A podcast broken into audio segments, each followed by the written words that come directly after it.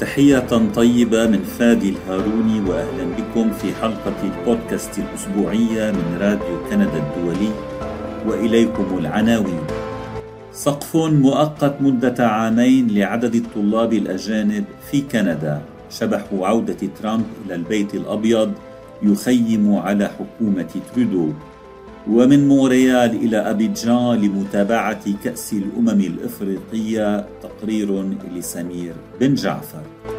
التفاصيل من راديو كندا الدولي.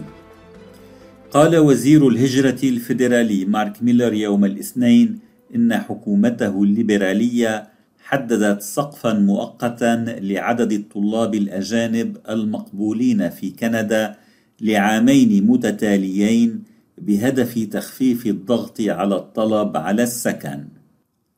وأوضح أنه من المتوقع أن يؤدي هذا السقف إلى الموافقة على حوالي 360 ألف تصريح دراسة هذه السنة أي بانخفاض نسبته 35%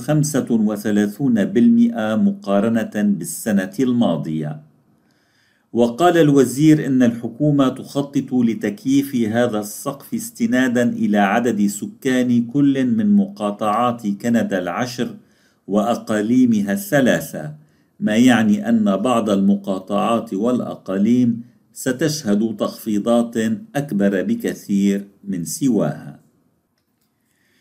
وبالتالي ستقوم وزارة الهجرة الفيدرالية بتخصيص حصة من السقف الذي حددته لكل مقاطعة وإقليم وستقوم المقاطعات والأقاليم بعد ذلك بتوزيع هذه الحصة على مختلف المؤسسات التعليمية المعنية لدى كل منها. وبات كل طلب تصريح دراسة يتم تقديمه إلى وزارة الهجرة الفيدرالية يستلزم إفادة من المقاطعة أو الإقليم المعني. وأوضح ميلر أن الأشخاص الذين يتابعون الدراسة في مستوى الماجستير أو الدكتوراه وكذلك في المرحلتين الابتدائية والثانوية غير مشمولين بالإجراء الجديد. وتهدف هذه الإجراءات أيضا إلى توفير حماية أفضل للطلاب الدوليين من أعمال الاحتيال. حسب الوزير الذي أوضح أنه يريد الحد من ممارسات مؤسسات سيئة تستفيد من الرسوم الدراسية المرتفعة فيما هي توفر تعليما رديئا نوعيا. وفي رد فعل على هذا القرار قالت أمس جمعية معاهد أونتاريو التي تمثل المعاهد العامة في المقاطعة إن قرار الحكومة الفيدرالية يتسبب حاليا بفوضى شديدة وقد تكون له عواقب وخيمة على قدرة المقاطعة على ملء وظائف رئيسية. يمكنك الاشتراك في أخبار كندا عن طريق زيارة موقعنا على الإنترنت راديو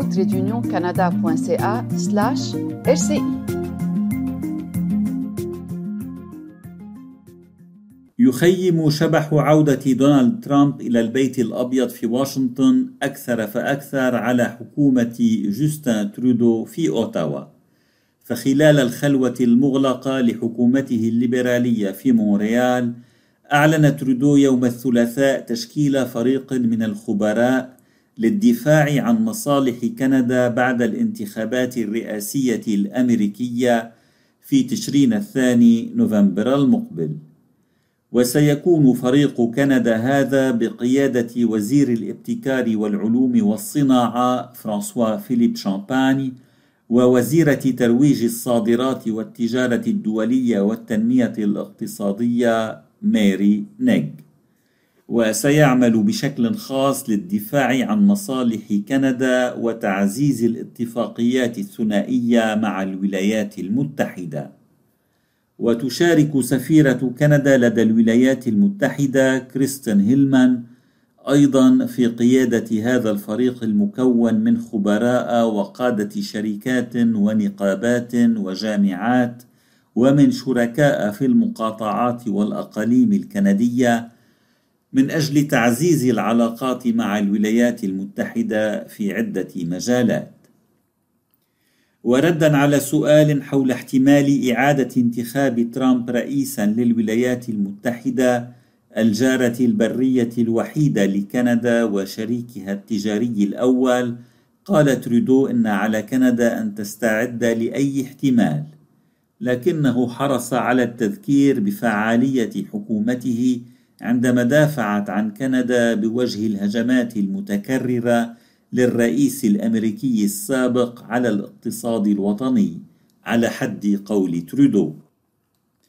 يمثل السيد ترامب حالة عدم يقين أضاف ترودو. لا نعرف ما الذي سيأتي به لكننا تمكنا من التعامل مع هجماته على العمال أو على نظام إدارة العرض بشكل جيد في الماضي من خلال إعادة التفاوض بشأن اتفاقية التجارة الحرة لأمريكا الشمالية المعروفة بنافتا لحماية صناعاتنا بشكل أفضل.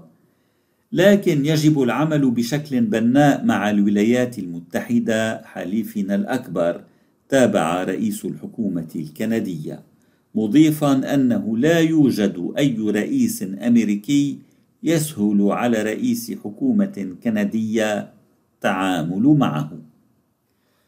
أعلن بنك كندا يوم الأربعاء إبقاءه معدل الفائدة الأساسي عند مستواه البالغ خمسة بالمئة مضيفا أنه بدأ مناقشة متى سيباشر خفض سعر الفائدة وهذه المرة الرابعة على التوالي التي يختار فيها بنك كندا إبقاء هذا المؤشر المرجعي ثابتا. ولم يفاجئ قرار بنك كندا خبراء الاقتصاد فهم كانوا قد توقعوا بإجماع شبه تام أن يحافظ المصرف المركزي على مستوى الفائدة الراهن الذي اختاره في تموز يوليو الماضي. وكما في المرات السابقة قال المصرف المركزي إنه لا يستثني احتمال زيادة أسعار الفائدة إذا ما استوجب معدل التضخم ذلك. أنت تستمع إلى البودكاست الأسبوعي من راديو كندا الدولي. لا يكتفي بعض مشجعي كرة القدم بمتابعة مقابلات رياضتهم المفضلة على شاشة التلفزيون، بل يسافرون بعيدا عن بلد إقامتهم لتشجيع فرقهم. زهير فرجيوي طبيب أطفال جزائري كندي من مدينة لافال في مقاطعة كيباك يتواجد حاليا في كوت ديفوار حيث تقام كأس الأمم الإفريقية الرابعة والثلاثون. ويقول هذا الرجل الذي يجمع بين حب كرة القدم والسفر والمتحمس للمنتخب الوطني الجزائري لكرة القدم إنه يتابع فريقه المفضل منذ أن كان صغيرا ويتذكر ذكروا في مقابلة مع راديو كندا الدولي عبر تطبيق الزوم من مدينة بواكي في كوت ديفوار أنه كان متواجدا أيضا في البرازيل خلال كأس العالم 2014 وفي مصر أثناء كأس الأمم الإفريقية 2019 ويوضح زهير فرجيوي أنه منذ صغره وهو مولع بمنطقة غرب إفريقيا ويحلم بزيارتها.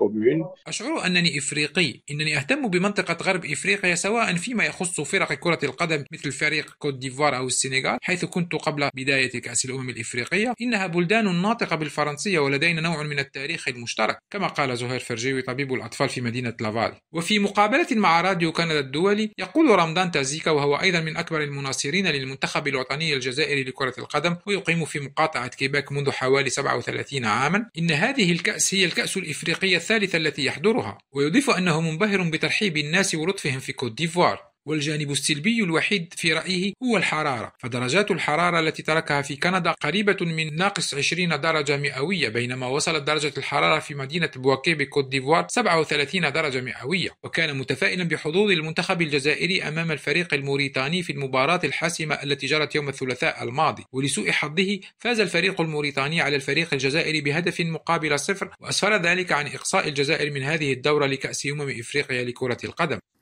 وتجدون المزيد من التفاصيل حول هذا الموضوع في تقرير الزميل سمير بن جعفر على موقعنا. حلقة البودكاست لهذا الأسبوع انتهت.